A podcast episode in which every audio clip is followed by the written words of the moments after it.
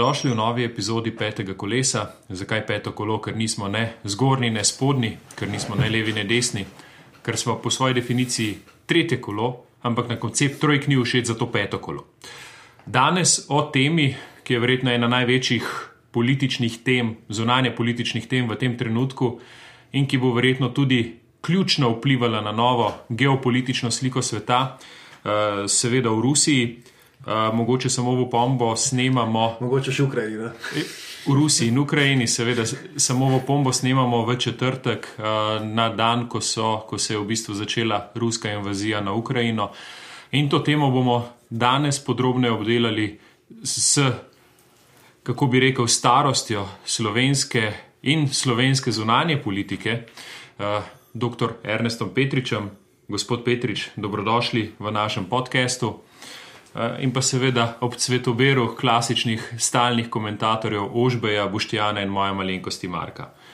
Zdaj pa Ožbej, predno začnemo, kaj pijemo danes. Tako ne, jaz sem imel danes kar problem izbrati eh, ta pravo vino. Um, za profesorja Petriča sem, sem razmišljal, da je kakšnega Obriona odprl ali Petrusa ali pa kakšnega XO konjaka. Uh, pač videli ste veliko sveta, bili ste skoraj da posod. Um, in sem rekel, zdaj, kako, kako nekako vas presenetiti. Potem pa sem se odločil za neko slovensko stvar, um, torej gremo na zahod Slovenije, uh, se pravi, pred nami je Rebula, Bagveri, Kleti Brda, um, ker je v bistvu naša, ampak še ena tako svetovljanska, rahlo zelena v lesu, tako da je tako res um, lepo narejeno, uh, zelo dobro vino. Um, z, um, se bo proval potem ne, koncentracija, intizion, pač uh, okus, dolg po okus, kot se temu reče. Tako da z lepo integriranim lesom in uh, mislim, da je to nek tak svetovljanski, slovenski primer kvina, ki ga pridelujemo. Tako da uh, veliko časa. Tako izkusimo, da zdaj vidimo. Živeli. Pa tako neutralen. Ne? Živeli. Ja, neutralen. Živeli. Živeli. Živeli. Sicer se morda v teh momentih ravno ne spodobi, da, da nazdravljamo. Um, ker Si nazdravljamo z bolečino v srcu. nazdravljamo, ha, vidite, hvala za, za popravek. Uh, pa vendarle, kot sem, kot sem dejal že na začetku, danes smo priča, ko je uh, bila ob petih zjutraj, ko je ruski predsednik Vladimir Putin uh, napovedal, uh, da bo Rusija posredovala v Ukrajini in sicer z namenom demilitarizacije in denacifikacije Ukrajine, uh, karkoli naj bi to že v tem trenutku pomenilo. Uh, Na drugi strani uh, so se začeli seveda spopadi, ukazana je bila splošna mobilizacija med 18 in 55 let. Uh, lahko danes tekom dneva spremljamo že prve slike z bojišč, uh, ki nikoli niso prijetne. Predvsem pa kar je, kar je mogoče nezanemrljivo, je to, da se po kar nekaj letih miru, se mi zdi, da na zadnje je bilo leta 1999 znova, znova ukvarjamo z vprašanjem oboroženega spopada na evropskih tleh. Uh, med Ukrajino in Slovenijo je samo ena država, uh, to je Mačarska. Če merimo zdaj uh, od meje do meje, bi lahko rekli, da smo nekje na dobrih 600 km. Spopadi sicer potekajo večinoma nekje na okoli tisočega kilometra, uh, pa vendarle, kako, če začnem z vprašanjem, kako zaskrbljujoče je to za vas, dr. Petrič, da se je ta mentaliteta reševanja, bom rekel, nekih spopadov, uh, nekih političnih spopadov prevesila v vojno, oziroma da se politični dialog nadaljuje v vojni, kot bi rekel von Klausevic. Glejte, hvala za vabilo. Uh, res je, celo življenje se ukvarjam in že kar dolgo je to moje življenje za zunanjo politiko in temi rečmi.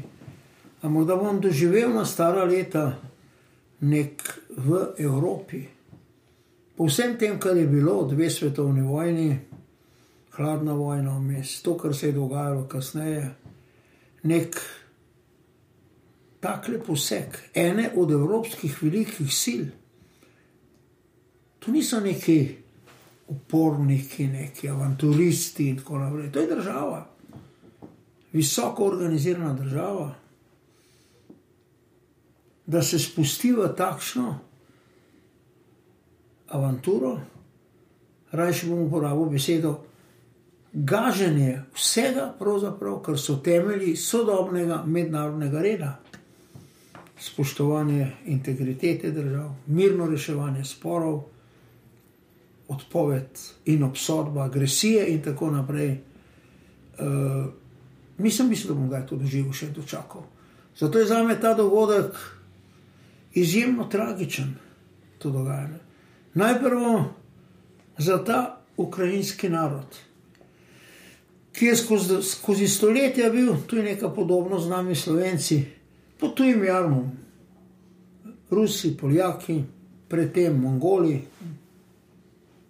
na jugu tudi Otomanski imperij, ki je tako rekoč skozi vso to težko obdobje, vrsto, vrsto dolgih stoletij, vendar le ohranil svojo identiteto, svoj jezik, kljub strašnim izzivom, doseljevanje, brisanje tega, kar je ukrajinskega, v imenu nekakšne velike sovjetske, kar je dejansko pomenilo velike ruske nacije, tako kot je oblikovanje neke jugoslovanske nacije, v bistvu pomenilo oblikovanje neke srpske nacije, ne, po vsebini.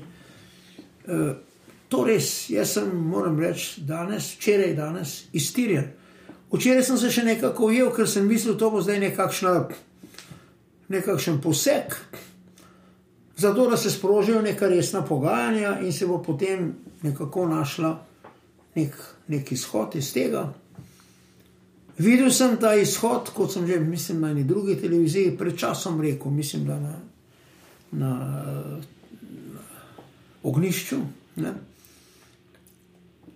Da že takoj po Krimu, če ne celo že prej, bi morali začeti iskati s pobudo Zahoda neko rešitev,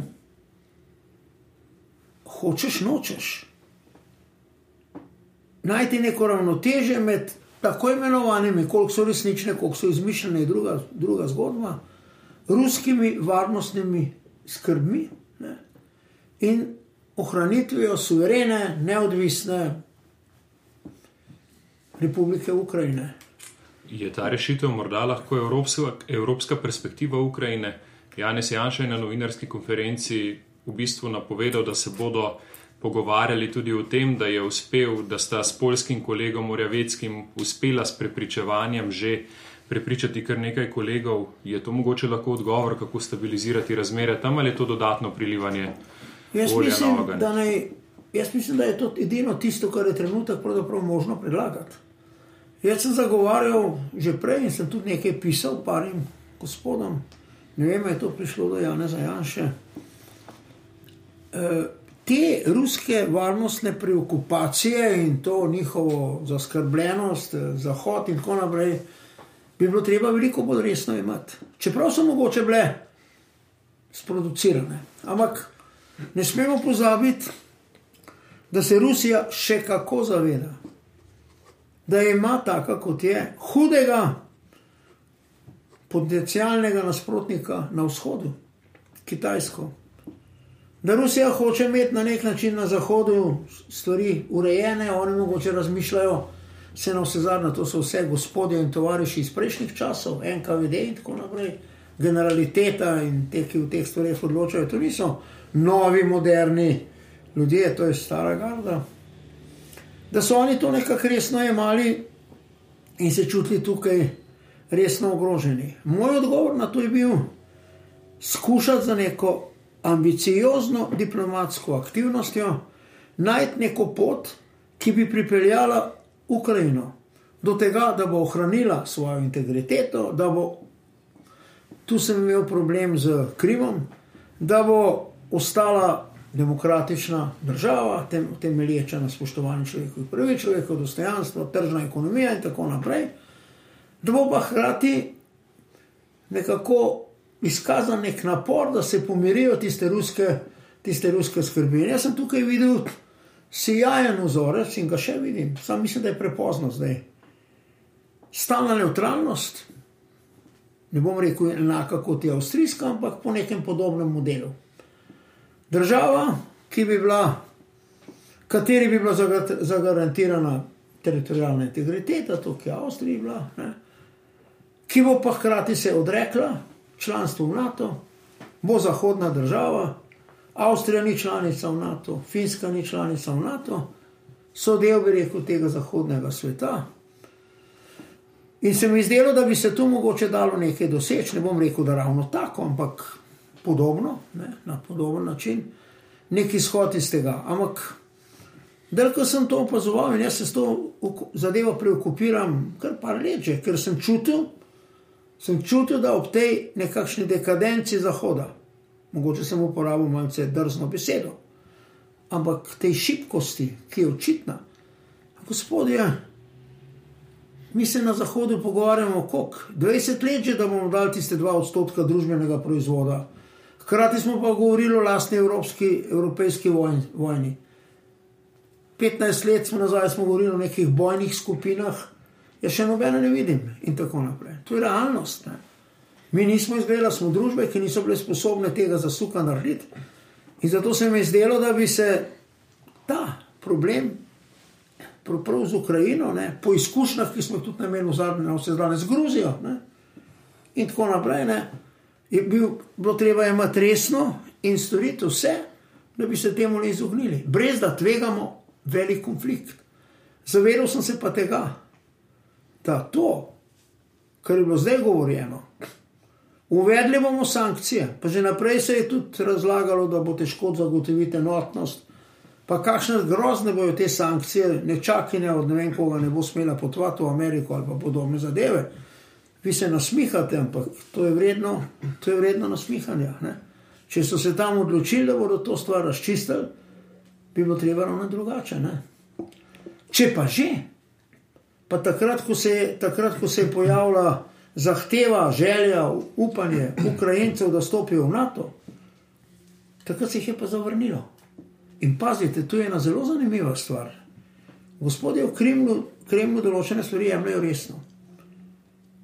Člen 5 Washingtonske pogodbe in tisti tako imenovani branjeni prostor, ki je določen v členu 6 Washingtonske pogodbe in sploh članstvo v NATO, meja članstva v NATO, je rdeča črta, ki jo nikoli niso prekoračili. V vsem času Sovjetske zveze ko so intervenirali na Mačarsko, na Češko, ne, v času sedanje Rusije, te postkomunistične, recimo, nikoli. Vedeli so, da to je pa tista črta, ker se gre, ker se gre za res. Ne.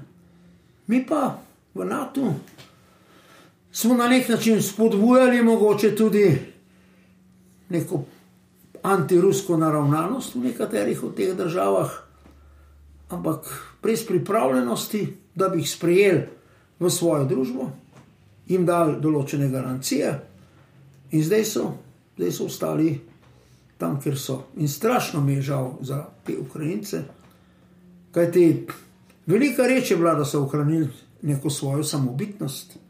Velika stvar je bila, da so nekako še potem, po času Sovjetske zveze, še vedno sposobni biti, recimo, Ukrajinci z neko svojo identiteto. In ko zdaj le gledam, ne vem, kaj se sicer na bojnem polju dogaja, ampak ko vidim, da vendarle ne mečejo kar tako puške v koruzo, da imajo tudi neko hrbtenico, da so pripravljeni izgleda za svojo nacijo, za svojo državo, za svojo kulturo, na vse zadnje mogoče tudi za svojo vero nekaj žrtvovati.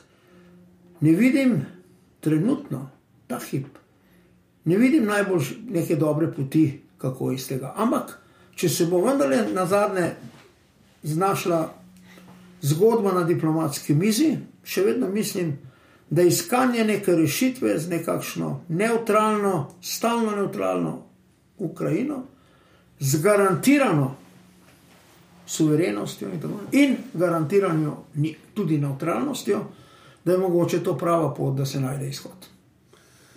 Bili ste prvi veleposlanik Slovenije v Ameriki, ne? uh, se pravi, tega bo zdaj že ja, počasi bo, no, počas bo 30 let, uh, kot ste prišli. Hitro teče. Tako.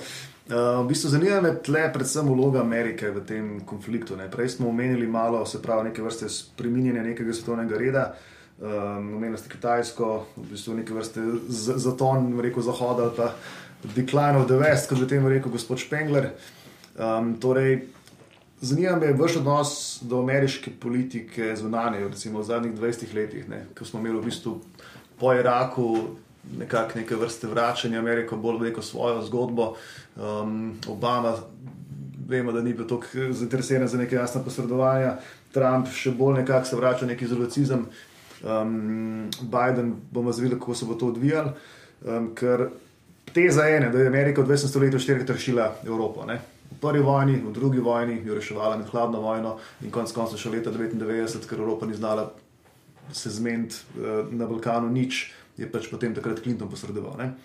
Um, že prej sem steral knjigo od gospoda Kegana, ne, Roberta Kegana, Power and Paradise, ne, ki pravi, da v bistvu Evropa lahko to vzdržuje stanje kot je, zato ker je zdaj nek močen igralec, ki se mu reče Amerika. Ne. Zdaj pa očitno Amerika je malo drugačen igralec. Torej, kako vidite ta odnos Evrope in Amerike, predvsem pa Amerike v odnosu do, do, do tega? Vede, Jaz sem prvič obiskal Ameriko kot gost njihove vlade, kot mlad obetaven človek iz vzhoda. Oni so imeli neke programe, ko so take ljudi bili. 69. leta. To je bilo po uboju Martina Luther Kinga. Nekatera mesta, celo Washington, so gorela v določenih delih. Takrat je kazalo, da je Amerika na tleh. Ko sem odhajal tja, sem odhajal tudi z nekim takim občutkom. Ampak potem sem dva meseca in pol tam popotoval po Ameriki, tudi po tistih območjih, na sredini Iowa, Nebraska, Wyoming in tako naprej, ki je čist nekaj drugega kot New York ali pa San Francisco. Uh, ko sem se vrnil z tega potovanja, sem si rekel, to še ni država, ki pada. Ko sem šel tja, sem mislil, da grem v neko državo, ki je v zatonu. Amerika se je po tistem pobrala na noge. Ampak par stvari sem pa že takrat opazil. V Ameriki se je nekako krepil že takrat nek refleks, ki so ga oni imeli od leta 1821, Monroeva doktrina, nas se svet ne tiče, mi skrbimo zase. In ko so bile volitve ko je Trump kandidiral na prvih volitvah, ne, sem bil malce črna ovca, ko sem na televiziji Ljubljanski rekel, da bo on zmagal. To je bilo eno trenutko, ko sem mene na televiziji v Ljubljani malo odpisal. To mi je bilo všeč, pa je dolg niso vabe. No, v redu, ampak pokazalo se mi je prav. Tistih mojih srečanjih takrat v Ameriki sem ugotovil, da američani, volivci, ameriški volivci, imajo pravzaprav dovolj tega, da njihovi fanti, pa tudi dekleta, prihajajo domov v krstah. Vietnam, vietnamski sindrom je bil živ, močan. Zato tudi niso hoteli intervenirati na Balkan. Kljub temu, da smo jih mi nagovarjali, pa brez vas se ne bo v Bosni. Ne? Niso. In res, dokler niso oni malo posegali, tam tekla kri. Uh, in na drugi strani pa tudi nek občutek, ki bi bil tudi zanimiv. Američani so počasi začeli dojemati, da ne, živ, da ne živijo najboljše v najboljši državi. Oni so začeli skozi kontakte z svetom ugotavljati, da se v Evropi živimo boljše, da se nam lepše godi. Se imamo vse, kar imajo oni. Ampak tam je treba face delati, tam je treba se boriti in tako naprej, ni tega, ni unga. Tako da je takrat Amerika začela, to sem jaz takrat opazil in sem pol tudi v enih intervjujih za Gorenski glas nekaj o tem govoril, takrat, 69. leta, da Amerika začenja iskati na nek način sebe. In tako v to smer je nekako šlo. Potem in ena moja znanka, dobra prijateljica, je pa takrat napisala eno knjigo. Včeraj sem jo iskal, imam tako približno kot vi, polno hišo knjig, pa jo nisem našel. Americans No More je bil naslov te knjige. In ogledna novinarka iz Norga. Americans No More. Amerika, mi smo več očani priseljevanje, spremembe vrednot in tako naprej. In tako, naprej tako da ta Amerika je šla in gre skozi nek težek čas. Ne vem, ali se bo spet poprav, po, poznala, po, po, popravila na noge ali se ne bo. Ampak temu je potem sodil Irak, je sedel Afganistan. Pravzaprav nobene od teh vojn oni niso izgubili na bojnem polju. Zgubili so te vojne zato, ker tisti, katerim so šli pomagati, jih niso več marali. Najbolj izrazito je bilo to v Afganistanu. Mi smo v Afganistanu, ko sem jaz veleposlanik bivše države v Indiji, v Kabulju nismo imeli ambasadorja, imeli smo ambasado brez ambasadorja, bivša država. In sem nekajkrat potoval tja, ne? tako tisti moji vtisi teh možakov z bradami, turbani, slika Afganistana. Ne. In seveda, mi smo prišli tja, zahod, po tej ameriški intervenciji, da bi ugnali terorizem tam, ne, da bi eliminirali to teroristično bazo, z vsemi mogočimi našimi idejami, ki že v Evropi povzročajo težave. Ne bom jih zdaj navajal, da ne bom grobo kritiziral. To je še kdaj povabno. Ja, ja. Ampak v Afganistanu. Afganistanci so še, še to tisti, ki so z veseljem sprejeli to intervencijo zopr talibane, ampak ko smo jim pa mi servirali vse tisto, kar te v Evropi serviramo. In kot tak majhen detajl ne omenim, s katerim bom pa veliko povedal. Ustanovil se je tudi žensko nogometno moštvo v Kabulu. Ne? In mladenke tam so igrali nogomet, to je lepo, ne? ampak tisti Kabul, tisti Kabulčani za njih je pa to groza. In mi meni potem je visok ameriški oficir pravil, koliko težav imajo s tem in kako zgubljajo osnovo, tudi pri tistih Afganistancih, ki so nekako sprejeli pozitivno ta prihod zoper talibane, ampak če pa to zdaj ta alternativa, prehitro bo to za me, za nje, ne? prehitro. Ne? Če je to zdaj to, potem pa to ne maramo. In so američani nekako to dojeli niso zgubili na bojnem polju, v času, da je prvič so bili sami tam. Evropejci, razen Britancov in Avstralcev, v glavnem so pošiljali ta vojaške kontingente, ki so imeli nalogo, da ne streljajo, ne? da pač čijo nekaj delajo, ne? oni sami, krste so prihajale, Amerika, first, skrbimo končno zase, a se nam ponavlja Vietnam. Tako da je potem pa še s to Trumpovo zgodbo, volilno, Amerika zašla res v eno veliko krizo. Pri tem pa ne smemo pozabiti, da je pa tam, kot sem prej rekel, od dogodkov na, nebeškem, na, nebe, na trgu nebeškega miru, masakr nad študenti, se je Kitajska nekako začela poslavljati od neke liberalnejše vizije. Oni so dojeli tisto kot pravzaprav eno pretnjo. To se nam bo zgodilo, kaos, anarhija, če bomo popuščali, odpirali. Najdel se je eno pravo ravnoteže, ki je bilo možno v družbi, ki je skozi vso svojo zgodovino temeljila na podložništvu. Tam ni bilo človekovih pravic, tam ni bilo Virginijske deklaracije, francoske revolucije, deklaracije, še Magne Carte, Libertatum ali česa podobnega ni bilo. Ne? In tam ta družba lahko nekako drugače funkcionira kot naše. Ne? In so dosegali neko rast, neko učitek, ne, neko uspeh in tako naprej, samo zavest. Ker obe te dve naciji, Rusi in Kitajci. Srčna bolečina, ker niso več tako pomembni, tako veliki, tako kot so bili, ne? v obeh primerih. To sem jaz samo opazoval, ko sem potoval z družino,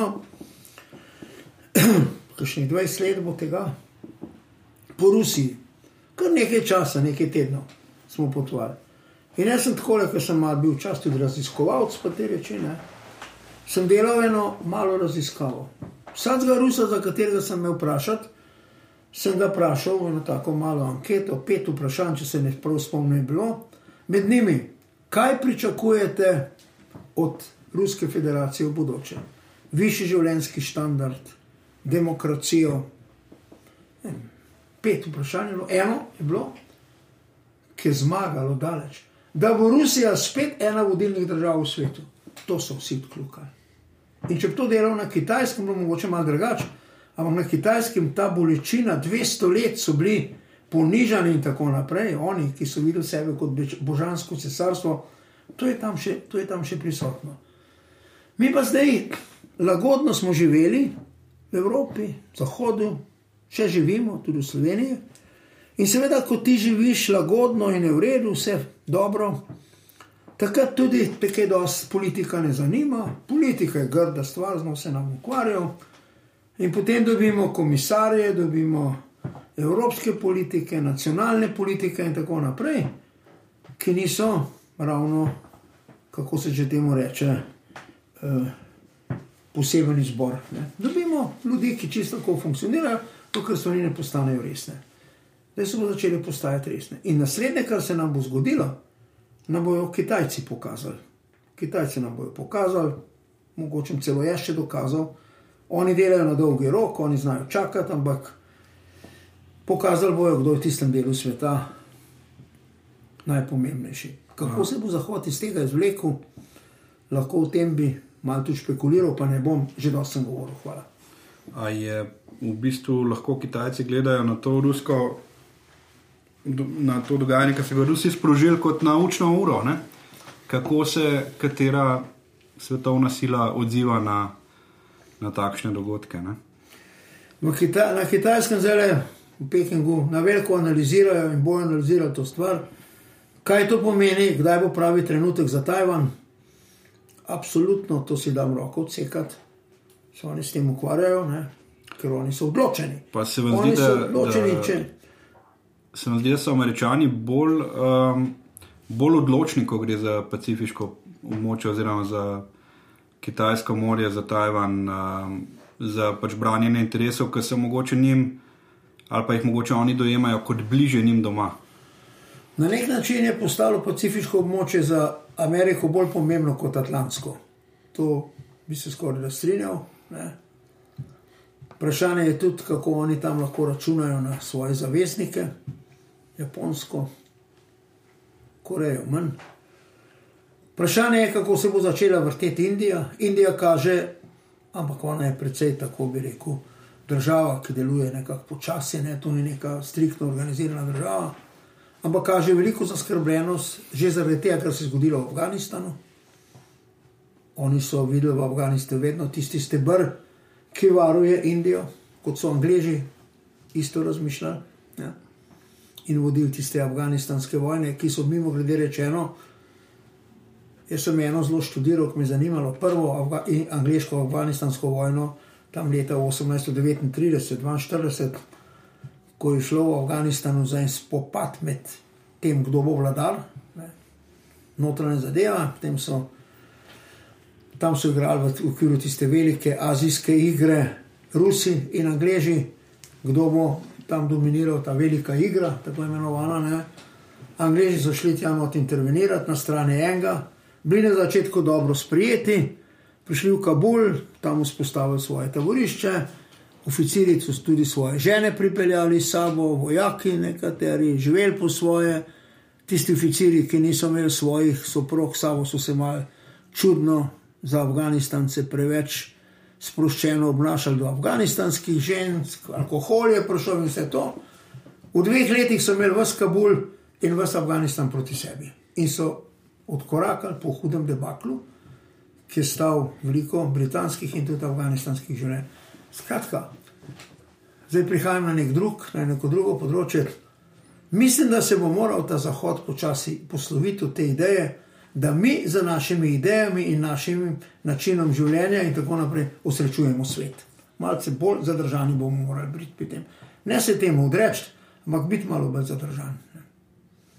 No, vendar lahko ustrajamo pri nekem zgledu za Prosim? Lahko ustrajamo pri nekem zgledu spoštovanja človekovih pravic. Uh, Absolutno. Uh, nekih osnovnih svoboščin, uh, gospodarske pobude, svobodne in tako Absolutno. naprej. Absolutno. Daleč od tega, da bi se mi temu odrekali. Sploh ne.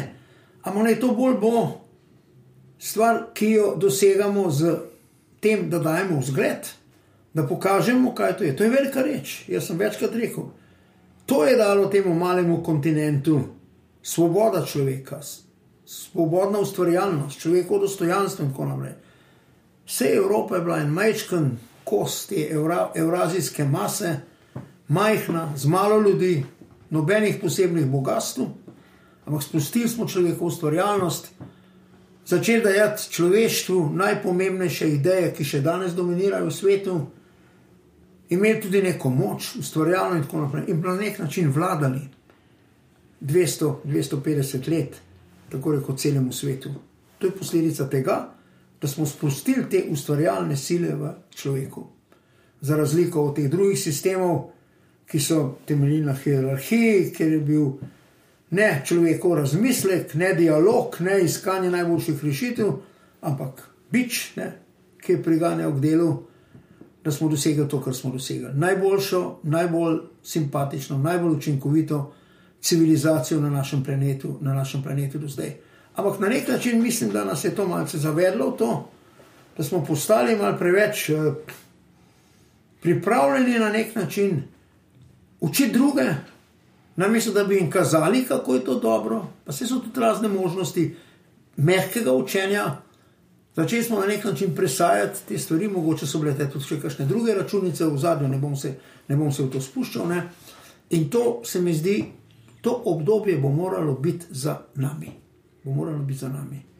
Mi ne bomo več, po vsem tem, kar se je dogajalo že zadnjih nekaj let in tole zdaj, tisti, ki pravzaprav smo luč, svetilnik vsega najboljšega na svetu, mi bomo eden od, eno od središč tega sveta, ustvarjalno, sposobno, če bomo kaj dobrega naredili, se bo to posnemalo, ampak malo bolj, malo bolj zadržani bomo morali biti. Manj provocirati, mogoče. Uh, to, to me je večkrat zbodlo, ker ste rekli, da smo nekako kulturno sprovocirali Afganistance zopr sebe. Se mi zdi neka analogija, mogoče tudi z Iranom leta 1979. Uh, ampak um, v primeru Putinovega napada na Ukrajino, pa, pa te provokacije ne vidim tako neposredno. Ne? Sploh pač jaz sem študiral zgodovino in pač mi se radi osredotočamo na posamezen dogodek, na neko letnico. Mm. Evo, to je bil pa tist, tista prelomna mm. točka, um, uh, ki je šlo predaleč in je eskaliralo. Uh, Putin je na, na oblasti že 22 let. Um, je Dobro, je že kdaj kje posredoval, je, je um, recimo posredoval celo v Siriji, um, ja, dela Gruziji, težave v Gruziji, v Afriki, na zadnje Kazahstanu. Uh, vendar pa ni šlo za tak full scale um, um, oborožen napad na neko, neko samostojno državo. In nekako manjka mi, manjka mi tistega um, sprožilca, ne, tega, tega prelomnega dogodka kje, kje, kje smo pa zdaj ga tako sprovocirali, da, da se je v njem po 20 letih tako prelomilo, da je šel napast neko državo, kar je že ne glede na to, da je Rusija močna vojaška sila, uh, je izjemen zalogaj na pas državo, ki ima čez 40 milijonov ljudi mm. in ki ni um, mogoče. Um, Ne, ne gre ravno za to, da bi bilo tam vem, tretjina prebivalstva ruskega in zelo močno naklonjena mm. uh, Putinu, in da bi pač lažje vzpostavil nek uh, uh, režim Ludke. Um, se pravi, kje je tisto? To, to je mogel biti en zelo močan sprožilec, da, da se je odločil za tak korak. Jaz govorim seveda na pamet, popolnoma na pamet, zdaj, kar bom rekel, ampak jaz nekako ta sprožilec vidim najprej v tem, da on ocenjuje, da je Zahod zdaj le šibek. Tako šibek, kot verjetno še dolgo ne bo. Ali pa mogoče bo, ampak kot zanesljivo dolg časa ne bi bil da je Amerika razklana, da je Amerika šipka, to vidi. Drugo, vidi tudi da se mu ni na nek način treba nič bati in skrbeti v relaciji do Kitajske. Lete, ne smete pozabiti, v 70-ih letih, takrat Kissinger, Nixon in tako naprej, takrat je bil svet tik pred spopadom med Kitajsko in Sovjetsko zvezo. Šla, šle so stvari tako daleč, da so američani pomagali Kitajcem identificirati cilje, ki jih bombardirajo, če pride do tega konflikta. Ta tekma teh dveh velikanov na, v Aziji je zdaj ob strani. Ob strani. Bo prišla znova, znova. Ampak to je, druga, ta, to je ta druga kalkulacija. In tretje, nekako se mi zdi, da je Putin vendarle tudi pod nekimi domačimi pritiski. Prej smo rekli, gospodarstvo, tam so ne vem na katerem mestu, stvari ne grejo dobro, stvari grejo slabo in tako naprej. Ta stara garda, ki tudi počasi odhaja, ampak to je še tista garda NKVD, ta je zdaj čez desetletje, v glavnem več ne bo. Ona je tam, tako da vse skupaj je to, se mi zdi, ne, njega pripravljalo do tega, da se je odločil. Ne vem, če ste ga gledali. Jaz sem ga gledal včeraj, danes malo, ker sem skozi hodil okoli. On je fizično drugačen, ste opazili, on je nekako zabuhal, on je nekako uh, drugačen, se mi zdi, po obrazu, kot je sicer bil. To je bila neka, tudi za njega, verjetno neka težka odločitev. Odločil se je. In tretji sprožilc, Ukrajina je nekaj posebnega za Rusijo. Ne? To je tako, kot je nekaj posebnega za Srbijo, Črna Gora. Ne? To so težave, se posloviti v Črne Gore. Republike Srpske tudi ne. V tej Ukrajina, Ukrajino povprečen Rus smatra za svojo. Poprečen Rusijo smatra za svoje. Ukrajina, nekako ruski psihi, ni neka posebna entiteta, to je nekako na ten de, de, način del Rusije in tudi to mogoče igra neko, neko vlogo. Mal drugače se Rusi lahko poslovijo od Estonije, pa od Moldove, kot pa so se poslovili od Ukrajine. Ne. Tudi ta nekakšen psihični element, pa mogoče še kaj. Ampak sem rekel, govorim na pamet, to, ni, to niso stvari nekih mojih globokih razmislekov. Kako, Slovenija ima v bistvu zelo zanimiv pogled v smislu zunanje politike. Uh, no, pustimo se nekaj, kar je uradno deklarirano, ampak um, nekako kolebamo včasih med Moskvo in Washingtonom. Ne? En od bivših zunanjih ministrov, mislim, da ni še niti v osmih letih, ni enkrat ja prišel na obisk, kako je že bilo, če se ne motim. Um, mislim, da Ivan Krastov piše v knjigi After Europe, da po neki anketi smo Slovenci ena od treh držav v Evropi, ki, če pride do vojaškega spopada, raje pokličemo na pomoč Ruse kot Američani. Um, kako se vam zdi, da bo na ta odnos Slovenije, ključno je nekako partikularen in do Amerike in do Rusije, um, kako, kako bo ta invazija vplivala na ta naš odnos? Ja, mi smo iz tistih časov naših nacionalnih bojev ne, z Nemci, 19. stoletje, začetek 20 nekako iskali nekega velikega zaveznika in to je bila Rusija. Ne? Se Dimitrij Rupel večkrat citira tisto izjavo, ne vem, odkje že. Ali bomo Rusi, ali bomo Prusi, ne? tako nekako to rad citira. Ne? Uh, in neki taki razmisleki so bili. Pričemer se mi pa zdi, da smo mi tako majhna entiteta, bili vedno, da nismo kaj dosti razmišljali o tem, kaj to pomeni. Ne? Mi smo se odločili malce čustveno. Rusija je velika, ne, mogočna in tako naprej. Tako kot smo čustveno stopili v objem z bratskimi narodi na jugovzhodu, brez da bi vedeli, kam smo skočili, in potem nas je čez par let začela glava boleti. Tako da tu, je, tu so neke določene afinitete. Mi smo tudi upravičeno občutljivi na to, če kdo malce zviška dela z nami. Jaz sem to opazoval sam, ne, kako je to bilo. Nemci, skandinavci, bil zelo hladen, zelo korekten, če smo se nekaj dogovarjali. Nekdo iz teh delov kako si ernaste, pa da je da sredimo. Ampak v bistvu, ko smo sredili, te je hitro zares sredijo in tako naprej. Ne? Tako da nekaj teh, nekaj teh reči je ne? in to nam je na nek način bliže. In ljudje naši. Dunajčani imajo visok nos, so malo zvišeni in tako naprej, ko gremo v Beograd, pa hej, slovenci, kako ste bračuni. In nekaj, nekaj tega je bilo, to je nekako normalno, to je bilo mi. Ampak zdaj problem zunanje politike, sploh politike v neki državi, je, da se je sposobna na to dvigati, da se je na to sposobna dvigati, da zna na nek način ocenjevati, kaj je tisto dolgoročno, kar je za nas pomembno. In za nas je verjetno zdaj dolgoročno pomembno, da gremo s tistim delom sveta, ki je tisto, kar sem prej rekel, vrh te civilizacije, vrh pravzaprav tega, kar je človeštvo doseglo. Demokracija, svobodna, ustvarjalnost in tako naprej. Da zdržimo te pritiske. Ne? Ampak, zdaj, zdaj bomo mogoče rekel nekaj znotraj političnega področja. Ne? V takih situacijah se pokaže, in to se je pokazalo na evropski ravni, pa tudi na slovenskem, pa vse na evropski ravni. Dokler je vse v redu, vse normalno teče in tako naprej. Ja, vsak je lahko visoki predstavnik Evropske unije za ne vem kaj, dokler vse lepo teče. Ampak, ko pa postanejo stvari resne, se bo pokaže, da je treba resno izbirati, kdo bo kje in kaj. Britanci so v prvi svetovni vojni zmagali, vse lepo, ne? francozi tudi na nek način. Chamberlain ni bil slab človek, Deladije ni bil slab človek, naprej. ampak ko so pa stvari postale resne, pa mora Winston Churchill priti. Tako nekako je to.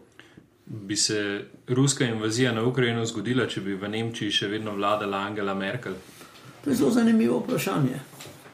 Sam, sam se vprašujem. Uh, jaz sem se tudi veliko ukvarjal z razmisleki moje. Ne? Jaz veliko živim, živim sam in tako naprej, pa se sprehajam, razmišljam. Nemčija. Ne? In me je vedno preganjal neka mislnega mojega prijatelja, ki je bil kasneje državni sekretar v zunanjem ministrstvu. Istočasno so bila v Washingtonu, istočasno so bila pa tudi na UN, stalna predstavljanja. Ginter Plojger, ne, ne vem, če je še živ, če v pokoj.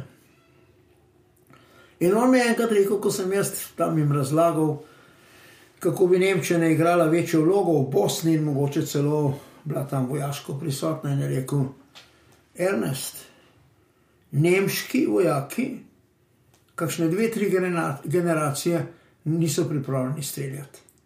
Nemčija je doživela tak kolaps v prvi, še zlasti pa v drugi svetovni vojni, tako ponižanje, humiliation, tak, na, tak den, na tak dno smo padli, da mi moramo rabiti par generacij, da bomo sposobni pravzaprav voditi neko politiko, ki ne bo samo pragmatična, gospodarski razvoj, uspešnost v gospodarstvu in tako naprej, ampak bo, bo pravzaprav na nek način sposobna nositi breme in igrati neko vodilno vlogo v Evropi. Ampak Nemčija je to vlogo dobila, hočeš nočeš. Ne? Ampak se mi zdi, da je, ne vem kako je s Francijo, ne bom komentiral, tam so stvari posebne. Meni se da je velika izguba, da smo izgubili Brexit, da smo izgubili Britanijo, da smo se to igrali toliko časa, da so navadni Britanci šli. Ponovno za Evropo nikoli ni bilo dobro. Rusija, ki je tam, Nemčija, ki, ki se uveljavuje, Britanija, ki stran gleda, to so ja. te zgodovinske. Ja. Ampak, še jaka je Nemčija. Da, da ne, mislim, ja. Zanima me v bistvu to še, kako pa si vi predstavljate, mislim, kako vidite zdaj, um, kakšen bo endgame, no, če tako rečem, v Ukrajini. Kateri scenariji so mogoči, um, pač kako, ne vem, kaj mislite, da bo čez 2-3 mesece um, tam ta hip nobenega dobrega ne vidim. Nobenega dobrega. Dva dni nazaj sem še videl neko možnost, da bo po tistem prvem, da bodo oni malo tam šli na tele Lugansk, pa Donetsk, pa tako ne, da bodo s tem dali velik signal, da bo Evropa nekaj, se bo začela ena konferenca, ne, se bomo zmenili. Jaz bi takrat dal na mizo strani Zahoda neutralnost, garantirano, tele. Ne s čimer bi mogoče celo implicitno rekel, da podobno razmišljamo tudi o Gruziji, pa mogoče še o čem ne. Ne rabimo širiti NATO, povedati in izbiti iz rok Rusov ta argument, da jih NATO pa tako naprej ogroža. Ne, mi ne želimo. Ne. Uh, zdaj pa mislim, da to ni več opcija, ta hip, ne. da to ni več opcija. Ne vem, kaj razmišljajo v Bruslu. Ne. Meni se je zdelo, da bom nekaj rekel, kar bom spet kregan od marsikoga. Ne to govorjenje o sankcijah. Že pripravljamo sankcije, stroge bojo, podozeli bomo sankcije. Pa jaz sem to razumel, če bi jaz sedel v Kremlu, bi to razumel. Če boste kaj naredili, nič hudega se vam ne bo zgodilo. Malo boste dobili kakšne sankcije. Meni se je delo to popolnoma nekontraproduktivno. Ampak ni se to še ena ta stvar, problem Evrope. Ne? Prej sem jih špigla bral in tam tudi pišejo, recimo, da že znotraj teh sankcij. Belgijci hočejo ne prepovedati izvoza diamantov, ne, Italijani hočejo ne prepovedati izvoza luksusnih dobrin. Ne. Mislim, da to, ne spare to tako neki, mislim, 27 nas je, 27 nas je. Ne? Čeprav pa res, da je Nemčija prvič vrgla na, na mizo nekaj resnega, ne severni tok 2. To je vrgla, ne, sej, sej. Sej, sej, tisto, kar sem jaz prej govoril o Nemčiji, sem mogoče šel malce daleč, sem mal namerno šel mal daleč. E, gotovo je Nemčija. Pravzaprav, se pravi, o Franciji ne bom govoril, ampak pa še volitve imajo kratkem. Ne.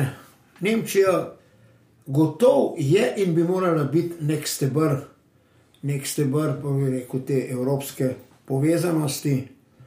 Uh, je pa zanimivo, ne, da v zgodovini je Nemčija pogosto funkcionirala kar dobro z Rusijo, ne, kar nekako to štimalo, na redu so se bili tudi po avtoritarnih režimih, malce podobni, pa, pa tako naprej. Ne, uh, je nekako. Potem so stvari zdrsele, se to je zanimivo, ne? kako so stvari zdrsele v Prvo svetovno vojno. Ne? Tako rekoč, čez eno poletje, ne? vse skupaj šlo k vragu, res da so bile globoke raz, razklanosti.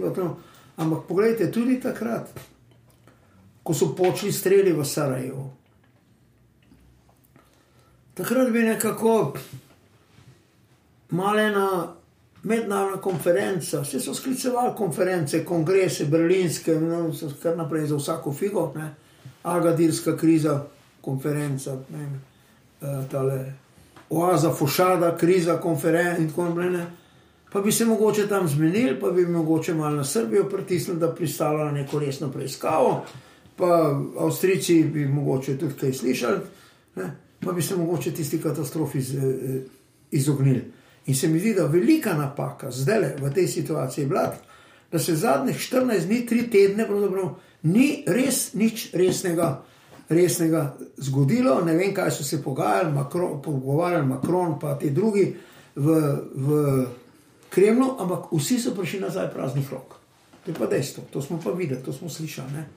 In mogoče bi se dalo v tem času, kaj zdaj boste rekli, po bitki smo vsi generali, strinjam se z vami, strinjam se z vami.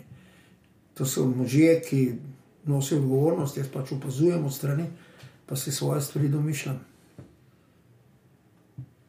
Zdaj, um, dobro, Zahod se ni znal odzvati pred tem spopadom, uh, ga, ga ni, ni znal pač dovolj odločno odreagirati, da bi ga morda preprečil.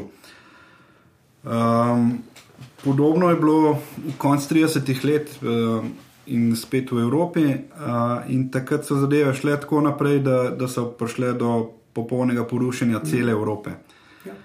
Kolikšna je nevarnost, da bi se kaj podobnega primerilo zdaj, se pravi, da bi ta konflikt um, prešel v ukrajinske meje in šel čez mejo um, petega člena. Ker Putin ima tudi dovolj zaveznikov, tudi v Evropi, konc koncev, oziroma se, se ukvarja z marsikšno stranko. Tudi zdaj lahko poslušamo, ne, vendarle tudi peti člen, dobro, to je mogoče drugo vprašanje, aktivacija, ampak lahko poslušamo o ruskih kibernetskih napadih po državah Evropske unije, od Portugalske, danes boje, da tudi določena slovenska podjetja in tako naprej, in vse naj bi izviralo iz Moskve oziroma Kremlja. E, tako da tukaj vendarle so neke aktivnosti. Ne, kaj, kako je tisto, če se vrnem na Boštjanovo vprašanje, kako lahko preprečimo, da do česa podobnega ne bi prišlo naprej težko bi, težko bi to rekel. Uh, jaz se strinjam najprej s tem in to me je motilo, da smo pravzaprav, da nismo bili sposobni Zahod dati na mizo nek prepričljiv predlog, ki bi na nek način vzel argumente iz rok Rusiji, pa mogoče tudi Putina in tako naprej pomiril. Ampak mi smo govorili, če boste napadli, bomo uvedli, te pa malo karikiram, strašno hude sankcije. Pa presnita reč, prej sem že to rekel. Če bi jaz to poslušal v Kremlu, star sem že mogoče malo betežen, bi rekel, no se mi nič hudega se mi ne zgodilo, ne, ne sankcije mi bojo uvedli, trajale bojo. Deset let, pa še dogovorili se ne bojo, pa izjeme bojo, pa uno, pa tretje, ne gremo dalje. Ne. Ni bilo, po mojem, ni bilo zavedanja, kako nevarna in kako resna resna ta stvar je. In mogoče je to celo Putina iritiralo, ne, ker, ne vem, ne vem, špekuliram, nočem špekulirati. Ne. Uh, stvar je pa izjemno nevarna, izjemno nevarna, da zdrsi zelo tvegane vode. Zdaj, jaz večkrat, ko govorim študentom o razvoju mednarodnega reda, ne, pa to. In grem skozi ta različna obdobja, kako so pravzaprav običajno se je sprememba ravnotežja moči končala z konfliktom ne, v zgodovini, včasih tako, ne. Novi, ki je prišel, je hotel akomodirati mednarodni red po svojih ambicijah, zavedajoč se svoje moči, zopr to je bil odpor, ponavadi je bil konflikt. Ne. In zdaj le v zadnjem času imamo to situacijo. Ne. Ravnotežje se je spremenilo leta 1989, ampak na nek miren način se je takrat to izvedlo. Zdaj se spet spremenja, Kitajska raste, močna, ZDA gre v drugo smer, ravnoteže moči se spremenja. To se vidi tudi v prisotnosti Kitajske na širnih območjih, Afrika, Pacifik, Indijski ocean in tako naprej. In jaz sem predpostavljal, da prihajamo v neko fazo, še vedno predpostavljam, ko se bo to razmerje moči nekako pokazalo kot nek razlog, za spremenjanje, za spremenjanje razmeri v mednarodnem redu. Ampak jaz sem vedno pa študentom rečem, ampak tokrat to verjetno ne bo šlo na silo, bo šlo mirno, kot je šlo 90. leta.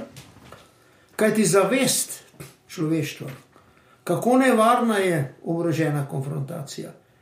Vsi ljudje, tudi tisti v Kremlu in tisti v Pentagonu in še marsikje druge, razumejo, da pot v to smer je katastrofa za vse, tu ni zmagovalca. Še zmeraj na nek način v to verjamem. Da nekje na koncu bo vendarle prevladala misel, ne smemo pustiti, da zdrsnemo korak za korakom, nekam, ko poti nazaj, tako rekoč več ne bo. To je nekako moje upanje. Tukaj mislim, da je konvencionalno vojno ali celo tudi kakšne nuklearne orožje. Jaz mislim, v prvi fazi konvencionalno vojno, ampak se veste, ko konvencionalni vojni utegne jeti nekomu zelo težko in tako naprej. Lahko kakšne kalkulacije, najprej taktična uporaba, potem pa na vse zadnje pa strateška. Ne? Ne, vem, ne vem, to so stvari špekulacije. Zdaj, za enkrat zgleda, da so se evropski voditelji vendarle odzvali več ali manj približno podobno, uh, približno podobno obsodili dejanja, zdaj pač kakšni zmečkani bolj glasno, kakšni malo manj glasno. Uh, in um, tako kot zmeri v zgodovini so se um, in narodi in skupnosti v bistvu najbolj skrb pozele in um, kaj naredile dobrega zase, takrat, ko jih je nekaj od zunaj ogrozilo. Um, a je mogoče to trenutek za Evropsko unijo, da, da se bo mal strezala, da bo, da bo mal pridobila občutka za neko samohranitev? Ne? Uh, Jaz bom rekel, da upam, da je. Da upam, da je. Tudi pri nas doma. Jaz upam, da bodo zdaj tisti, ki govorijo, da ne rabimo vojske in tako naprej, malce razmislili to svoje stolišče ponovno. Ne? Mislim tisti, ki mogoče govorijo, da ni dobro biti v NATO, da bodo tudi oni razmislili. Poglejte, prej sem rekel, nikoli niso intervenirali, ne Stalin, ne Sovjeti in tako naprej, in ne Putin preko rdeče črte, ki jo pomeni NATO. Ne, niso. To je, to. In mogoče tudi v Ukrajino ne bi, če bi bila članica NATO. Bojim se, da ne, mislim. Mislim, da ne bi, tako bom rekel. Mislim, da ne bi. Zdaj so pa stali mogoče tudi, ko smo v tistih razlogih za to odločitev, so pa zdaj tudi oni v Moskvi stali pred neko dilemo. Zdaj je še mogoče čas, ker čez pet let bo pa na vse zadnje Ukrajina, mogoče res v NATO. Ponovim pa, pa težjo situacijo. Ne vem. E, jaz se upravičujem, nekaj ta naš pogovor je en kupenega ugibanja. Uh, za malo, za nekaj razmisleka, že ne, se nekaj že razmišljam, ampak za malo faktične opore za te razmisleke. Ampak zgodilo se je pa tudi to, se pravi, mislim, da so Poljska, Litva, Latvija, Estonija, da so preko tega člena 4, ne, artikel 4, um, da so se lotili uh, tega posvetovanja, ne, ker mhm. prek tega člena gre. Uh, kaj si po tega, recimo, obetamo, uh, kaj še smer bo šlo to? Ker tukaj, mislim, konec koncev v Ukrajini 40 milijonov ljudi, ne? zdaj če pogledamo naše balske, severne um, rekel, države, ki imajo vse skupaj manj kot 10. Um, vse tri. Ja, vse tri imajo, v bistvu so tako rekoč. Um, mm. Tukaj je še, je, še, je še eno vprašanje, in tudi ali recimo, napad, prej ste omenili, uh, se pravi, rdečo črto za NATO. Ne? Kako vidite te vlogo, recimo, uh, finske, norveške, ne? ki niso pač recimo v NATO, Norveška je res švedska, švedska, finska. No, ja. Finska je za mene bila vedno ena tako simpatična država v tem, v tem kontekstu. Oni so na nek način, vse mogoče razlage so, zakaj je tako bilo, ohranili po revoluciji, ne, takrat leta 2019, ne, svojo državnost tako rekoč intaktno. Ne. Finci. Za razliko od Ukrajincev, vseh drugih, ki jih je rdeča armada osvobodila kontrarevolucijo, na finskem pa ne. Ampak ne bom o tem špekuliral. Po drugi svetovni vojni, ali pa je spet Finska izgubila dve vojni. Prvo tisto z Rusijo sama, ko se je heroično branila, tisti zimski vojni, in potem je znova stopila v vojno na strani Nemčije. In je vojna se končala pa s pariškim mirom leta 47. Ampak vendar ne, je na nek način, ki je čudež tako rekoč, uspela ohraniti. Ona je sicer bila vedno zelo obzirna do Rusije. Finlandizacija je bil pojem v teoriji mednarodnih odnosov, ne? ko ti ne provociraš, ne dražmo. Je ohranila neko svojo samobitnost, izven NATO. Zdaj sem slišal, da nekako razmišljajo oni malo tudi, da bi se mogoče celo učlanili v NATO. Avstrijci so večkrat razmišljali, pa se nikoli niso odločili. Tako da te tri države, Latvija, Litva, Estonija, pa Poljska, ne, one so zdaj v zelo težkem položaju. In ta težek položaj se mi zdi, je v enem pogledu zelo indikativen. Putin in rusko pisanje na nek način nakazuje, da pravzaprav so šli oni zaščititi ja, svoje ljudi pred genocidom. Ne. Nemci so začeli drugo svetovno vojno tudi, med drugim zato, ker je njihova manjšina trpela, pa menjhensko krizo, manjšina trpela in tako naprej. Ne. Šli so zaščititi, ne. zdaj pa v Estoniji je velika v Latviji blizu 50% ali 40% prebivalcev ruskega, ruskega porekla in tako naprej. Gotovo so tam vse mogoče situacije, angažiranje, mehko angažiranje ruske diplomacije in, in tako naprej. Ne? In zdaj upam, da se ne bojo pokazale kakšne take stvari, ali pa da bojo celo kakšni norci zdaj na drugi strani ne, skočili na to manjšino in bo potem to povod za nov spor in mogoče celo, celo za kaj več. Ne. Litva je med drugim zanimivo, kot prva članica Evropske unije razglasila izredne razmere ja. tudi danes. Ja. Tako da očitno. Poljska je napovedala. Poljska je pa napovedala, ker se bojijo begunskega vala, ja, ne, ki, bi, ki bi prišel. Potem je še Belorusija zraven, pa če dobro sedno čez, čez cesto. Je, je možno, mogoče v teoriji, na, oziroma v na, naslednjem razvoju te Evrope, oziroma evropske zunanje politike, eh, neka formacija, neke tako imenovane nove jantarjeve ceste od, bom rekel, tega Baltika pa do Črnega morja, kakorkoli se ta situacija v Ukrajini razvije, nekje vsi špekuliramo, da Rusija naj ne bi aneksirala tega bolj zahodnega oziroma ja. prozahodnega dela, je možno, da se neka nova ta, kako bi rekel, Huntingtonovska linija vzpostavi uh, na podlagi neke jamrke. Ne vem, ampak rekel bi tole, ne, da jaz sem videl v tem prizadevanju uh, tri morja. Poznate to? Poznamo. Tri morja, ne, ki je ostala več ali manj torzo, ne. Trimorja, ne? nekaj se mu da sicer dogaja, ampak kot rečeno, mi smo na zahodu smo postali neučinkoviti. Ne? Čeprav niso bila Trimorja bolj zamišljena kot, uh, kot obramba pred kitajski, kitajsko novo svileno cesto, ki bi tudi ja, v, treh, vede, ja. v treh linijah no, prodrla ja, vse sej, tri sej, dele sej, Evrope. Ampak nek pas tule. Od Baltika dol, ja, ne, do, do Črnega morja, do Romunije, in tako naprej, ki bi naj bil nekakšen kordon, ne vem, ne, kaj so si v tem zamišljali v Washingtonu, oni so zelo podpirali to, ne, ampak ne toliko, da bi zaenkrat iz tega res nekaj ne, pomembnejšega nastalo, bolj se pogovarjamo, ne, ali pa se motimo, če se res kaj dogaja. Ne, ne, ja. uh, mogoče ja, še vse počasi, mislim, da smo, mišli, smo že kar pozni. Um, prej sem mislil, da je ena kolegica govorila, no, ker je pač iz Rusije drugače in je rekla, Um, mislim, malo ste že načeli debato Putina, oziroma znotraj, se pravi, mhm. Putina mm. kot znotraj Rusije, oziroma kakšen vpliv in kako bo to naprej šlo. Um, pa če recimo do za medijsko je rekla sceno, ne, da so tam dejansko vsem tem uh, medijskim hišam tako rekoč odredili, da lahko uporabljajo samo striktno izjave iz, iz, iz se pravi, uradne izjave vlade, mm. tako rekoč. Če tega ne bo, bojo sankcije, da se bo ukinilo internet, da se bo v bistvu ja, dal takšne in drugačne kazni. Eh, finančne in to, mogoče še kaj drugega.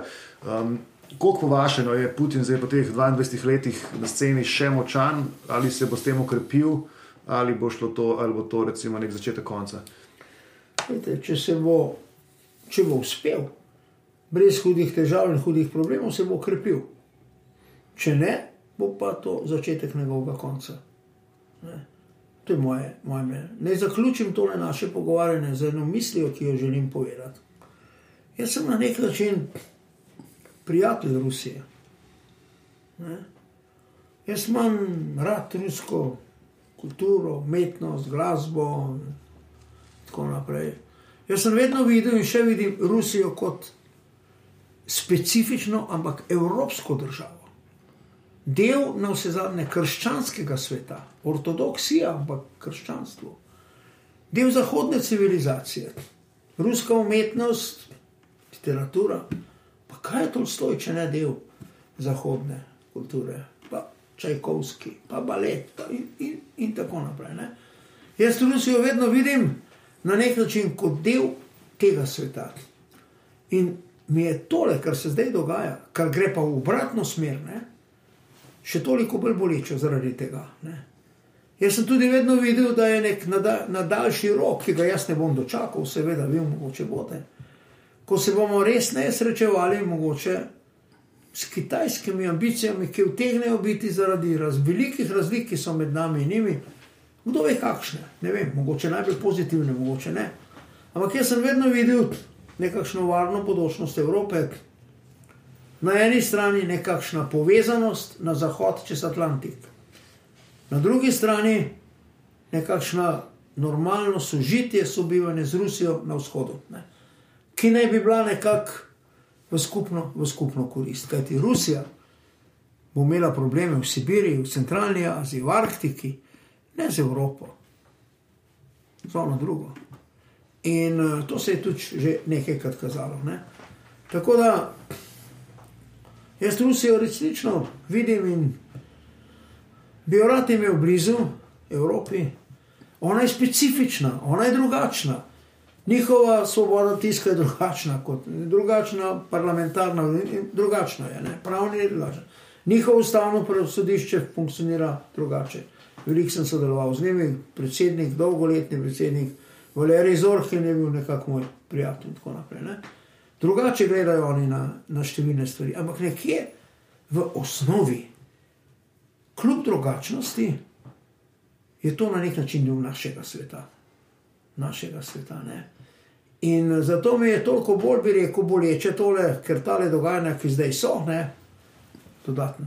dodatno. Rusija je bila odrezana od Evrope, bolševiška revolucija je predvsem odrezala. Predtem je Rusija igrala, vi ste zgodovinar, centralno vlogo v vseh evropskih zadevah, Napoleonove vojne, kongresi, berlinski in tako naprej. Ne, je bila del tega. Ne. In se mi zdi nekako, da bo tole dogajanje zdaj potisnilo Rusijo bolj proti vzhodu. Naročje tistih, s katerih smo si veliko bolj, bolj oddaljeni, kot smo si pa, kot smo si pa z Rusijo. No, to je neka moja žalostna zadeva pri celi tej stvari. In na tej misli zaključujemo naš današnji podcast. Uh, najlepša hvala, dr. Petrič, da ste podelili z nami nekaj dragocenih misli. Uh, mi se pa slišimo spet čez 14 dni. Če bomo še tukaj. Srečno. Hvala. Če bo Putin dovolj.